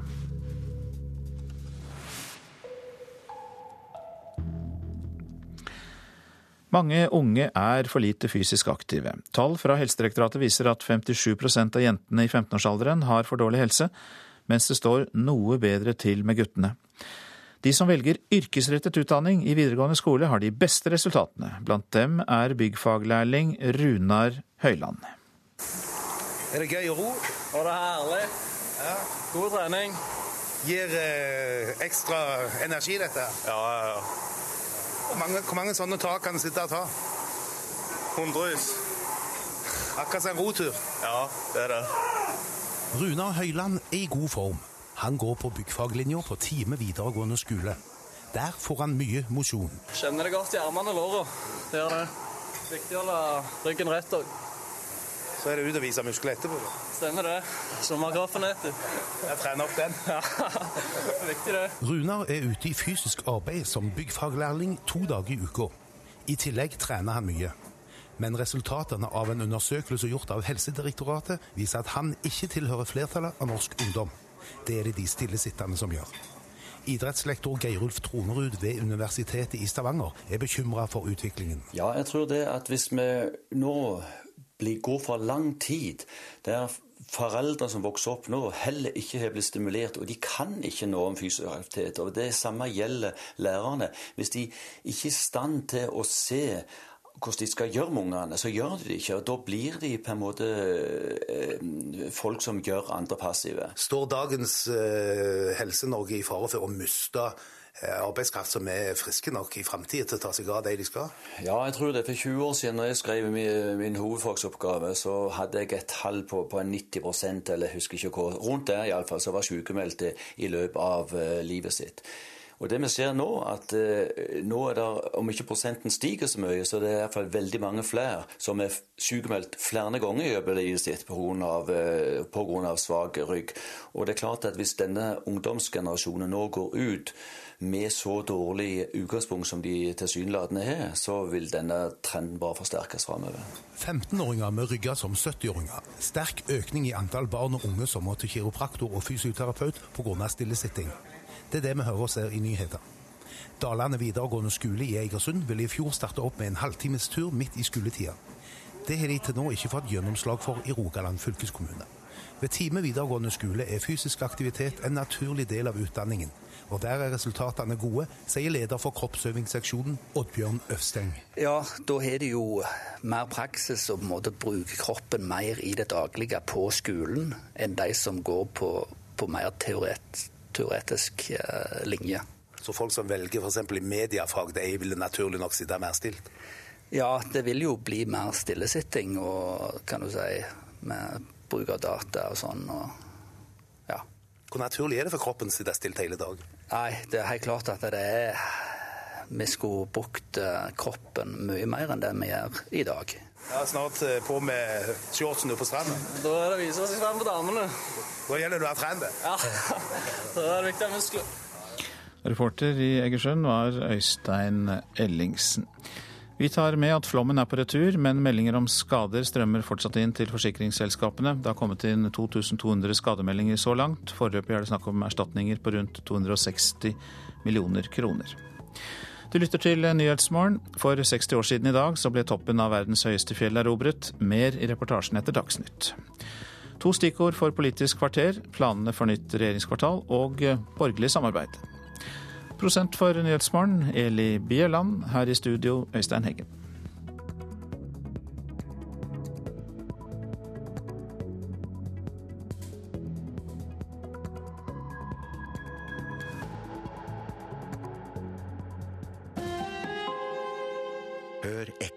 Mange synes det er greit at forskerne kartlegger genene deres. Det er jo anonymt. Men når en forsker oppdager at du risikerer å få kreft om kort tid, bør forskeren varsle deg? Og vil du vite det? Forsikringsselskapene vil nok gjerne kjøpe opplysningene om deg. Og tenk på hva Google kunne tjent på kunnskapen om dine styrker og svakheter. Ekko 9 11 i NRK P2. Sentrale Frp-ere synes ikke det er vits i å dele regjeringsmakt med tre andre partier. Det nye Munch-museet er omstridt, men et flertall av folket ønsker Lambda velkommen. Og kriminelle bander herjer på norske nettsider og sprer virus som aldri før. Riktig god morgen, her er NRK Dagsnytt klokken 7.30. Det er ingen vits for Fremskrittspartiet å bli med i en regjering dersom Venstre og KrF også må være med. Det sier flere sentrale stortingsrepresentanter fra Frp. Dermed går de imot sin egen partiledelse, som ønsker å danne regjering med alle fire partiene. Er dere klare til å vinne valget? Ja! Et klart ja da Siv Jensen ropte ut sitt spørsmål til landsmøtesalen i helga. Men hvem skal partiet samarbeide med? Leder i Oslo Frp, Christian Tybring-Gjedde, mener det er liten vits å bli med i regjering hvis også Venstre og KrF skal være med. Jeg tror ikke det vil være bra å sitte i en eh, firepartiregjering. Det eneste vi vil ha godt av det, er at vi vil eh, lære å få regjeringserfaring. Det blir rett og slett ikke nok Frp-politikk hvis vi må dele makta med tre andre, mener Tybring-Gjedde. Skal vi få gjennom mest mulig av vår politikk, så er vi nødt til å ha eh, kun to partier. NRK har snakka med samtlige av partiet sine toppkandidater til stortingsvalget. Et klart flertall sier de vil ha en regjering med Frp og Høyre. En av dem er Ulf Leirstein fra Østfold. Jeg ønsker en eh, såkalt blå-blå regjering. Hvis vi skal få gjort noe, så tror jeg det må være forutsetningen. Dermed går de rett imot strategien til sin egen partileder, som igjen og igjen har sagt at Frp vil samarbeide med alle de borgerlige partiene. Denne planen kan skade partiet, frykter Kenneth Svendsen, toppkandidat fra Nordland Frp. Nei, det vil ikke være eh, strategisk lurt. Jeg tror ikke vi får gjennomslag for så mye som, eh, som vi har fått med andre. og Det betyr igjen at vi kan havne i samme situasjon som eh, SV, med at vi taper på det. Reporter her var Astrid Randen. Politisk kommentator her i NRK, Trine Eilertsen. Hvor reell er denne faren for et skikkelig meningsmålingsfall for Fremskrittspartiet? Erfaringen viser at eh, de partiene som sitter i regjering med et eh, større parti, som er betydelig større enn de, de taper eh, oppslutning blant velgerne. De må være ansvarlig for en politikk som de ikke i utgangspunktet er profilert på. Og en del av de politiske seirene til de partiene, det har vi sett på SV og vi har sett det på Senterpartiet, blir ikke tydelig nok ut til velgerne til at de vinner oppslutning på grunnlag av det. Så her kan de falle? De kan falle, ja. Men hvorfor er partiledelsen både i Fremskrittspartiet og Høyre så opptatt av dette firepartisamarbeidet? Altså, jo særlig for Erna Solberg er det viktig å jobbe for et flertall. Vi vet at den regjeringen vi har i dag, et av argumentene for den i valgkampen var at de kunne danne et flertall. De gjorde det to ganger, eh, og har selvfølgelig hatt et, eh, et bedre rom for styring når de slipper å ta alt gjennom eh, Stortinget og full åpen debatt, enn en mindretallsregjering vil ha. Så det er mer behagelig for en statsminister å styre en flertallsregjering regjering enn en mindretallsregjering. Og Siv Jensen, for hun er det viktig å signalisere at hun er åpen for alle typer samarbeid. Interessert i å være med, det skal i hvert fall ikke stå på hun. Men hvor stor er avstanden da mellom Siv Jensen og partiledelsen i Fremskrittspartiet og disse listetoppene vi hører om nå? Ja, det vi merker er at for en god del av Frp-ere så begynner eh, konsekvensen av regjeringsdeltakelse å gå innover de. Eh, I KrF og Venstre har denne diskusjonen vært levende i flere år. De er vant til det. Eh, har hatt det på landsmøtene sine. og Frp de skal nå diskutere det når de er et mye mindre parti enn de var da de bestemte seg for denne strategien. Trine Eilertsen, takk skal du ha. Et eh, flertall av befolkningen her i Norge sier de er positive til et nytt Munch-museum i Oslo. Det viser en undersøkelse Norstat har gjort for NRK. I går ble det klart at det blir et nytt museum i Bjørvika i Oslo, etter at SV snudde i saken. Syns det er fint, jeg. Ja, flott. Jeg mener at det er, en, er på tide å få en løsning. Nå har de krangla i årevis. og Eh, millionene går på nye utredninger, så jeg syns at det er greit. Eh, at, at, det er blitt en avgjørelse, det er bra. Men eh, når det gjelder det arkitektoniske, så må jeg dessverre si at den der Lambda-bygningen er noe av det fæleste jeg noensinne har sett. Jeg tror det kan være fint. Ja. Jeg liker jo egentlig at Munch-museet er på Tøyen. Folk på gata i Oslo har delte meninger om det omstridte Lambda-bygget. Likevel er 55% positiv til et nytt Munch-museum i hovedstaden, viser ei undersøkelse Norstat har gjort for NRK. Byråd for kultur og næring, Halstein Bjerke, er glad for at folk flest er fornøyd. Det er klart det er veldig gledelig med så positive tall. Og Vi i Venstre vi er ikke akkurat vant til at, å ha folket med oss, eller et flertall av folket med oss til enhver tid. Vi er jo et lite parti som ikke akkurat er kjent som å skifte meninger etter folkemeningen. Kanskje snarere tvert imot, historisk sett. Så det er klart det er veldig gledelig med så positive tall. Reporter her var Kjersti Havdal. Kriminelle truer norske nettsider oftere enn noen gang. Tall fra Nasjonal sikkerhetsmyndighet viser at helt vanlige nettsider nå brukes i stor stil for å spre virus. Kriminelle nettverk vil tappe PC-en din for viktig informasjon for å tjene penger, advarer myndighetene. Her eh, ser vi skjermer hvor det da eh, blinker rødt, og da går alarmer i Alarmen i operasjonssenteret til Nasjonal sikkerhetsmyndighet i Oslo går stadig oftere og det siste kvartalet har overvåkerne her opplevd en ny trend. Nå blir nemlig virusangrepene rettet mot helt vanlige norske nettsider, sier seksjonssjef Marie Mo. Det kan være alle slags eh, nettsted. Det kan være alt fra store nettaviser til små blogger. Økningen i slike angrep er voldsom. Siste kvartal i fjor ble det registrert 300 saker. Første kvartal i år er tallet 1700. Kriminelle planter virus for å tjene penger, sier Mo. F.eks. et virus som løsepengevirus, som fryser maskina di og krever penger for at den skal uh, kunne virke igjen. Eller det kan være en nettbanktrojaner som uh, kan ligge i bakgrunnen og skjule seg og lytte etter innloggingsdetaljer til nettbanken din. Nasjonal sikkerhetsmyndighet vil ikke si hva slags nettsider som er infisert av virus. Virusene blir nemlig fjernet raskt, i alle fall i de fleste tilfellene. Nasjonal sikkerhetsmyndighet vil heller ikke si at risikoen for å tape penger i nettbanken nå er stor. Bankene er nemlig flinke til å rydde opp. Men Nasjonal sikkerhetsmyndighet vil likevel si at du må passe deg. Du må på en måte ta på deg sikkerhetsbeltet når du er på nettet. Jeg syns ikke man skal være redde eh, hvis man tar normale forhåndsregler som må eh, ha oppdatert eh, antivirus og ha oppdatert alle programmer. Så, det, så skal man ikke være redd for å bruke internett. Reporter var Hans Jørgen Solli. Og datakriminelle plukker gjerne ut nettsteder som de vet blir besøkt av personer med makt og innflytelse. Blant annet gikk flere regjeringsansatte i en felle da de besøkte nettsidene til en europeisk tenketank, det skriver Aftenposten. Nettsidene spredde spionprogrammet i minst én dag før Nasjonal sikkerhetsmyndighet ble klar over angrepet. I USA er en tenåring i Oregon fengslet for å ha planlagt en voldsom skolemassakre, på linje med den som skjedde i Columbine for 14 år siden. Oh Jennifer Young var på vei for å hente datteren sin da hun oppdaget politiets bombeeksperter. Oh Jeg er så glad for at de tok ham før noe skjedde, sier hun. Hjemme hos 17-åringen fant politiet rørbomber, bensinbomber og napalm gjemt under gulvplankene, sammen med tegninger over skolen. I notatbøker har han sammenlignet seg selv med gjerningsmennene bak den fryktelige Columbine-massakren. Uh, Dette går langt utover vanlige tenåringsstreker og kunne ført til voldsomme ødeleggelser og drap, sier Erik Carter i politiet.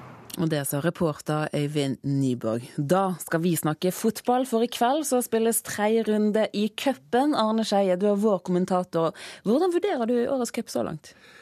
Det har vært mange overraskelser, og tredje runde det er en rekke interessante, spennende eh, oppgjør. Eh, nabooppgjør, Viking-Bryne, stor kamp i Stavanger. Vard-Haugesund, eh, rivaliseringen pågår i, i Haugesund. Asker-Vålerenga. Asker slo ut Strømsgodset i forrige serierunde. Kan de være en ordentlig bombe? Det kan fort uh, skje. Asker har uh, så langt sju seire av sju mulig i andredivisjon, og Vålerenga har hatt problemer da i, i, i Eliteserien. Og så har vi jo da uh, fjorårets cupmester, Hødd, hjemme mot seriemesteren fra 11 og 12, nemlig Molde. Det er også en skikkelig godbit i dag.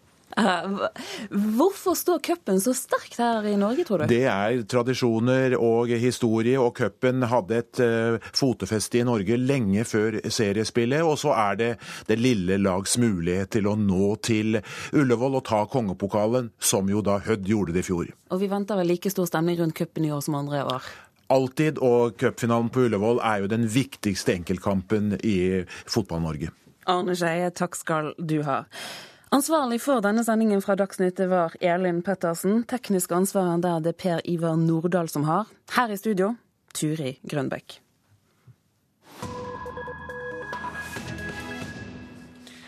Og Petos Nyhetsmorgen fortsetter ufortrødent videre. For 60 år siden i dag erobret menneskene verdens høyeste fjell, Mount Everest. To menn gikk inn i historiebøkene, men som det ofte er, på grunn av en tilfeldighet.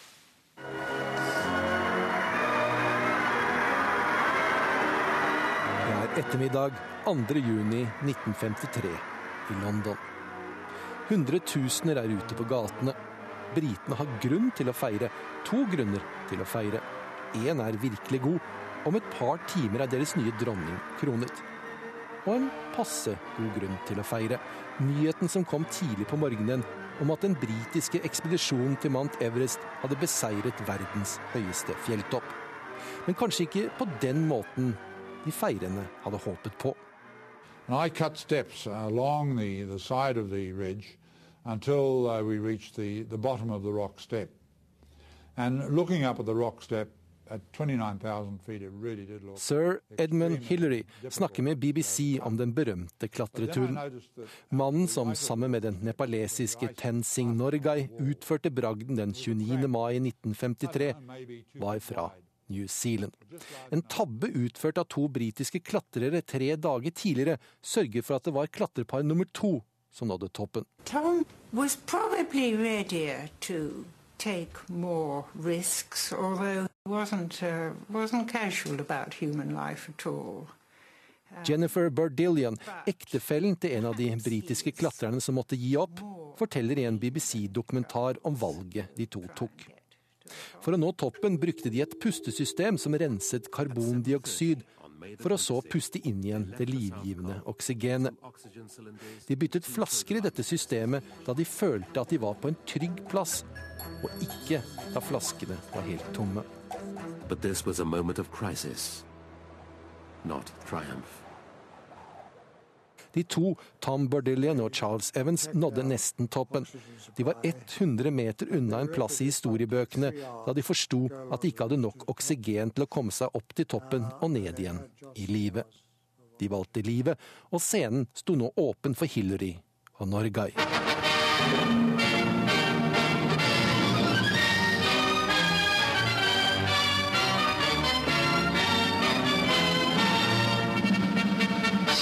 Auckland sees the end of an epic journey to and from the top of the world. Klokken 11.30 lokal tid nådde de to toppen. Noen uker senere ble Hillary og en annen New Zealander fra ekspedisjonen mottatt av befolkningen i hovedstaden Auckland. Under besøket i hjemlandet fortalte Hillary om utfordringene han og Norgay møtte på den siste etappen.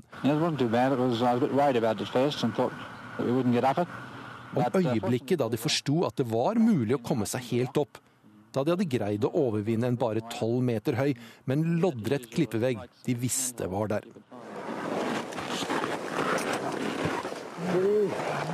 Vi hører lyden av moderne klatrere som beveger seg oppover det som nå heter Hillary-stegene. De tolv meterne Hillary var den første til å komme seg opp. Det var Hillary som fant veien opp den siste vanskelige biten, og ifølge sherpaen Tensing Norgay var det Hillary som først plasserte en fot på toppen av Mount Everest. Norgay er ikke glemt. Mens Hillary ble adlet, så fikk Norgay mange medaljer og andre æresbevisninger. Han ble utropt av Time Magazine som en av de 100 mest innflytelsesrike menneskene i det 20. århundre. Reporter Halvard Sandberg. Dette er Nyhetsmorgen, dette er hovedsakene. Flere sentrale Frp-ere ser ikke nytten av å bli med i, eh, i en eventuell ny regjering dersom Venstre og KrF blir med. Kriminelle bander herjer på norske nettsteder, sprer virus som aldri før. Og den økonomiske nedturen i Europa fortsetter også inn i neste år, sier generalsekretær for OECD. I går ble det endelig klart hvor eh, Munch-museet skal ligge. Men eh, det er ikke det eneste store bygget som planlegges i hovedstaden nå. Programleder i Politisk kvarter, Per Arne Bjerke. Statsråd Rigmor Aasrud inviterer til høyttenkning om det nye regjeringskvartalet, men først møter hun byrådslederen her i studio. Og som vi nettopp hørte, debatten om hvem som vil samarbeide med hvem på borgerlig side er i full gang igjen, og den fortsetter i Politisk kvarter.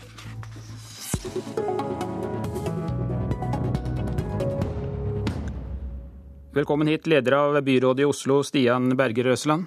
Takk skal du ha. Etter at dere nå har fått på plass Munch-museet, er det klart for å planlegge det neste store byggeprosjektet i hovedstaden. Om en eh, halv time har statsråd Rigmor Aasrud invitert til frokostmøte om det nye regjeringskvartalet. Hva vil du som byrådsleder si er det viktigste kravet til et nytt regjeringskvartal? Jeg tenker at Det å få på plass et, et, nytt eh, regjeringskvartal er jo en utrolig viktig del av bybildet i Oslo. Det er en viktig del av hovedstadsfunksjonene. Det at departementene eh, har sete her i Oslo, er jo det som, som gjør, sammen med Stortinget og Høyesterett og kongehus, at vi er, er, Norges hovedstad. Og Nå skal man jo da lage et, eh, og konstruere et nytt eh, kvartal etter det forferdelige som, som, skjedde. Og jeg håper jo at man eh, i den prosessen eh, sørger for at Oslo i størst mulig grad beholder det åpne preget, det tilgjengelige preget som, som byen har hatt. At man klarer å bygge eh, en åpent eh, og tilgjengelig kvartal samtidig som man har det funksjonelt og, og trygt og tar vare på både eh, politikerne og departementets ansatte og publikums sikkerhet. Men det er også viktig synes jeg, at det er et område av Oslo hvor det er tydelig hva som foregår. At her sitter landets regjering, her sitter landets ledelse, og at, det, at ikke det bare er et ordinært kontorbygg, men at det, at det forteller noe om hva det er som skjer innenfor veggene. Administrasjonsminister Rigmor Aasrud, hvordan skal du klare å kombinere kravet til sikkerhet og ønsket om en åpen by, slik byrådslederen gjerne vil ha det? Ja, jeg tror det går an å kombinere til en viss grad, og jeg deler eh, de visjonene som byrådslederen har for hvordan vi skal forme et nytt regjeringskvartal. Det er viktig at vi ikke lager en festning der vi skal ha regjeringskvartalet, men det er også viktig at vi vektlegger sikkerhet, og det kommer vi til å gjøre. Men jeg håper at vi klarer å finne løsninger som gjør at vi ikke at publikum har tilgang til arealer og områder rundt regjeringsbygga på en god måte. At det kan være folk der. Samtidig så må man også kunne bygge noe som eh, har en viss symbolverdi. Det at man har en plass, et område som eh, er eh, flott, syns jeg også er viktig ja. når man skal bygge et nytt Men hva er det viktigste for dere? Hensynet til sikkerheten eller miljøet rundt Bergerøsland? Jeg mener at det går an å kombinere de to tingene. og Vi har et veldig godt samarbeid også med statsråd Aasrud og regjeringen om eh, et eh, litt større sånn, eh, sikkerhets- og tilgjengelig prosjekt i Oslo. Om hvordan vi skal klare å balansere hensynet både til å sørge for en åpen og tilgjengelig by, og sørge for hensyn til, til sikkerhet. Og Det at man nå skal begynne å bygge mye nærmest fra grunnen, gjør jo også at man får mulighet til å innpasse en del sikkerhetstiltak i bygningskonstruksjoner, i byplangrepene man gjør. Så her har man mange, mange muligheter. Det som jeg er litt bekymret for, det er jo at vi får en sånn eh, negativ spiral hvor, eh, hvor, alle blir opptatt av å skru litt mer på, mm. på sikkerhetsskruen. Eh, et lite gjerde til, én stengt gate til, eh, litt flere kameraer og litt mer eh, utilgjengelighet. Og så får du en ond spiral hvor det blir, eh, det blir vanskeligere og vanskeligere å, å å oppholde seg i byen. Det går også utover eh, de som arbeider i kvartalene. for da får du ikke kafeer og butikker og den type ting. Og du får rett og slett et litt sånn dødt byområde. Men nå vet vi hva som skjedde 22.07. for snart eh, to år siden. og Er det i det hele tatt mulig å ha åpne gater tett inntil nye regjeringsbygget hos Rudd? Ja, nå har vi eh, På det frokostmøtet vi skal i dag, også invitert en byplanlegger fra London. og London har jo mye erfaring med terror. og Der er det lite stengte gater. Men der har man jo klart å bygge en del sikkerhetstiltak inn i eh, bygningsmassen. Jeg tror det er mulig å ha en del åpne gater hvis man får bygd en del bygg fra, fra grunnen av, så du kan sette sikkerhetstiltakene inn i konstruksjonene. Men vi må nok også regne med noe mer stengte gater enn det vi hadde før 22.07. Vi var jo i ferd med å stenge Grubbegata. Jeg tror det er vanskelig å se for seg at Akersgata tvers igjennom regjeringskvartalet skal være åpent på samme mm. måten som før. Men det er jo ting vi må komme tilbake igjen til. Men målet vårt er ikke at vi skal stenge mest mulig gater, men at vi skal ha riktig sikkerhetsnivå. Nå er det jo muligens en viss interessekonflikt konflikt mellom dere to. Vi hadde jo da en årelang diskusjon om stenging av Grubbegata uten at noen av dere klarte å få gata stengt. Hvem er det nå som skal bestemme reguleringen i forbindelse med dette nye regjeringskvartalet? Er det Oslo kommune eller er det staten? Ja, Regjeringa har bestemt at vi skal bruke statlig reguleringsplan eh, på regjeringskvartalet. Det betyr jo selvsagt ikke at ikke Oslo kommune kommer til å være en viktig samarbeidspartner for oss. Men for at vi skal ha den nødvendige framdrifta, så ønsker vi å bruke statlig regulering. Syns du det er greit at du her blir overstyrt av staten, Berger Røsland? Jeg har respekt for at, at, regjeringen har valgt det, det, de har. Jeg eh, tror imidlertid ikke at spørsmålet om det er Kongen i statsråd eller Oslo bystyre som fatter vedtak om regulering, er det som avgjør fremdriften her. Men, eh, men om det kan man være, være litt uenig. Men, men, det er klart at uh, reguleringsplanen for nytt, nytt sete for regjeringen er kanskje det er kanskje ikke så overraskende at du får en statlig reguleringsplan på det, men jeg tror vi kunne fått til, fått til det på mange, mange, mange, mange måter. Jeg tror vel hovedutfordringen med fremdrift er jo en del av de kravene til, eh, som ligger i plan- og bygningsloven, som ligger i eh, reglene for, for, behandling av den type saker. Eh, og de ligger der helt uavhengig av eh, om det er bystyret eller Kongen i statsråd ja. som fatter vedtaket. La oss se litt på dette med fremdrift, for debatten om Munch-museet har pågått altså i årevis. Og politisk uenighet har ført til stadig nye utsettelser, inntil da byrådspartiene og SV i går ble enige om et forlik. Hvor lenge må vi egentlig vente på et nytt regjeringskvartal, Aasrud? Ja, det blir mange år før vi er ferdig bygd. Ja, men Går det 10 år? Går det 20 år? Kan Nei, si... det går ikke 20 år, men eh, litt avhengig av om vi skal rehabilitere gammel bygningsmasse. Det kan gå noe raskere. Eller om vi skal bygge nytt, så vil det være en prosess som eh, før vi er flyttet inn med alle, vil ta minst ti år. Berger Røsland, kan du garantere at vi nå ikke får en ny rundgang der kommunen også vil forsøke seg på stadig nye omkamper, slik at dette her kan bli gjennomført innen rimelig tid? Jeg tror vi skal ha en eh, god diskusjon om dette. Og eh, det er en viktig eh, sak for, eh, for, Oslo by. Jeg mener også at det er en viktig sak for Norge. Hvordan regjeringskvartalet i, i, landet utformes, hvordan det ser ut og hvordan det innpasses i bybildet. Og Det er klart at det trenger en åpen diskusjon, det trenger en bred prosess, fordi at dette engasjerer mange, mange mennesker. Og så må vi klare å gjøre det på en måte som gjør at vi også sørger for at regjeringen får gode arbeidsvilkår, og at de eh, får et samlet kvartal, som jeg tror det er god grunn til å, å ha. Eh, men, men, vi må også tåle at det her blir diskusjon og debatt. Skal man bevare Høyblokka eller ikke? Skal man rehabilitere bygningsmasse? Hvor stor sikkerhetssone skal man ha? Disse tingene er det grunn til å debattere, og det bør debatteres. Det skal du få svare på til slutt, Åshild. For veldig mange spør seg jo hva skjer med denne høyblokka, som jo har vært et kjennetegn i Oslo helt siden den ble åpnet på 50-tallet? Ja, Nå har vi ei konsulentgruppe som utreder hvordan vi kan få plassert inn eh, både de som var i regjeringskvartalet før, og Utenriksdepartementet inn i området. De kommer med minst tre forskjellige skisser til det i slutten på juni.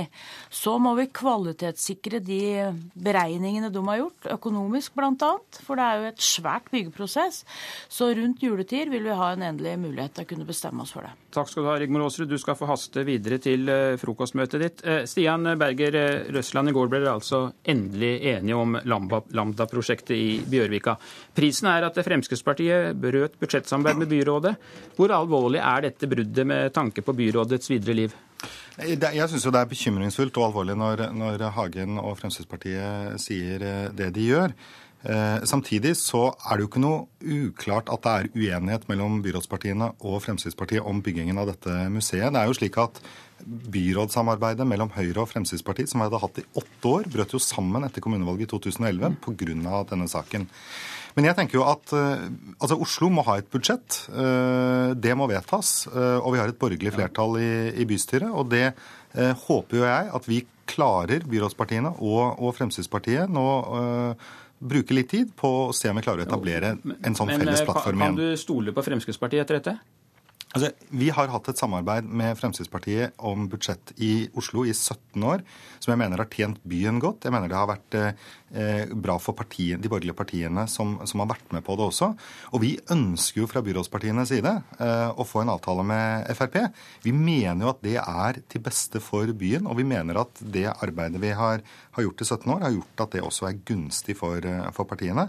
Og vårt håp er jo at eh, vi skal klare å etablere en sånn plattform igjen, som gjør at, eh, at, vi kan gi Oslo gode og borgerlige budsjetter og stabilt styre, hvor alle de fire partiene får mulighet til å sette et stempel på politikken. Ja. Nå er det jo ikke bare i Oslo at det knirker i samarbeidet mellom de fire partiene. Som vi har hørt i Dagsnytt tidligere i dag, er debatten om hvem som skal samarbeide med hvem på borgerlig side, i full gang igjen.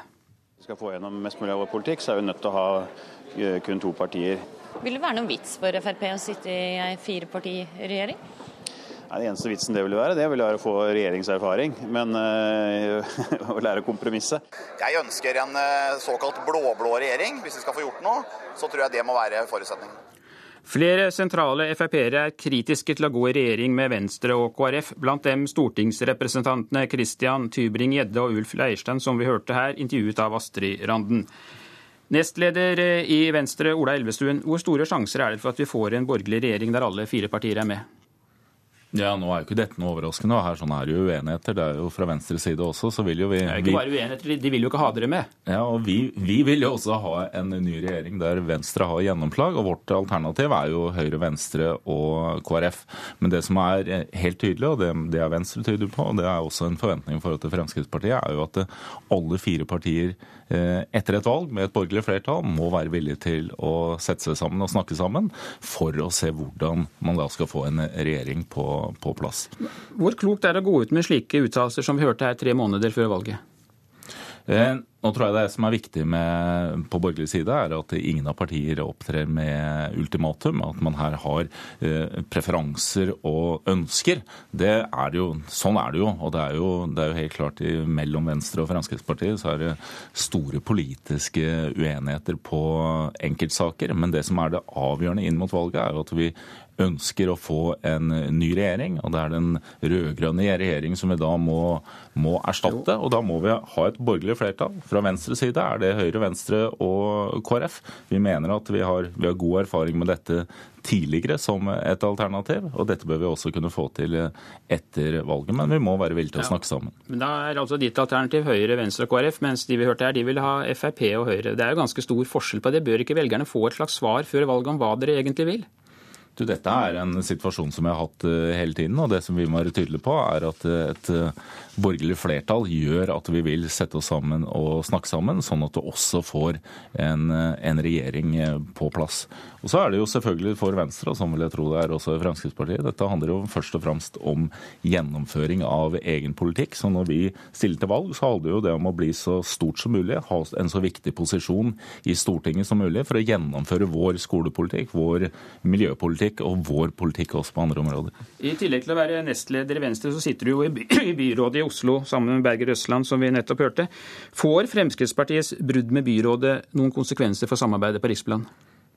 Nei, situasjonen i Oslo er eh, spesiell. Her sånn har vi hatt en, en, uenighet på det som er en veldig viktig sak i Oslo, nemlig plassering av det nye Munch-museet i Bjørvika. Men dette er en enkeltsak i Oslo. Og det er klart at i bystyret i Oslo så er det vanlig gjennom mange år at du har ulike eh, konstellasjoner og ulike sammensetning for å danne flertall når det gjelder den type enkeltsaker. Nå er denne riktignok veldig stor og viktig for byen, men at det skal ha noe betydning for Eh, rikspolitikken, det kan jeg ikke se. Får det noen konsekvenser for den tilliten du har til Frp som samarbeidspartner? Nå er det ikke noe uvanlig at Carl I. Hagen er, eh, er, eh, uenig med det som skjer, eller har den posisjonen som han eh, nå gjør. Men vi, vi, vil jo fra vår side i Oslo fortsette som det vi har hatt tidligere. Vi har et byråd med Høyre, Venstre og KrF. Det er definitivt et byråd som er styringsdyktig, som også i denne saken har vist at det er styringsdyktig. Og så følger vi den politikken vi har, gjennom at vi ønsker å ha et budsjettsamarbeid også med Fremskrittspartiet. Det har vi hatt hvert år bortsett fra ett år siden 1997. Eh, fra venstre side kan vi vise til at vi har godt gjennomslag med en sånn type politikk, og vi ønsker selvfølgelig å fortsette med det. Nettopp Venstre har jo en viss erfaring med å stille ultimatum i samarbeidsspørsmål. Her skal vi høre et kutt fra valgkampen for eh, fire år siden. Jeg garanterer at Venstre ikke vil samarbeide om statsbudsjettet med en regjering der Fremskrittspartiet er med. Her er den. Ja, jeg har jeg har ingen problemer med å skrive under den, hvis, de, hvis, du i tillegg får fram det ene poenget at de fremmer Fremskrittspartiets politikk. Og det forutsetter vi jo at vi gjør. Det var programleder Bjørn Myklebust og tidligere Venstre-leder Lars Sponheim i Politisk kvarter for fire år siden. Ola Elvestuen, hva lærte dere av dette ultimatumet? Nå la jo Lars Bonheim også vekt på den gangen at det som var avgjørende, var at Venstre skulle få gjennomslag for egen politikk. og Det var en regjering som skulle føre Fremskrittspartipolitikk han ikke ville, han ikke ville være med på. Men det som er viktig med det gjelder alle partier på borgerlig side. Vi har et tydelig alternativ der vi ønsker et sterkt Venstre i en regjering med Høyre, Venstre og KrF. Men alle partiene på borgerlig tide må være villige til å snakke sammen med en borgerlig seier for å få en ny regjering og avløst den rød-grønne regjeringen. Takk skal du ha, nestleder i Venstre Ola Elvestuen, og det var Politisk kvarter med Per Arne Bjerke.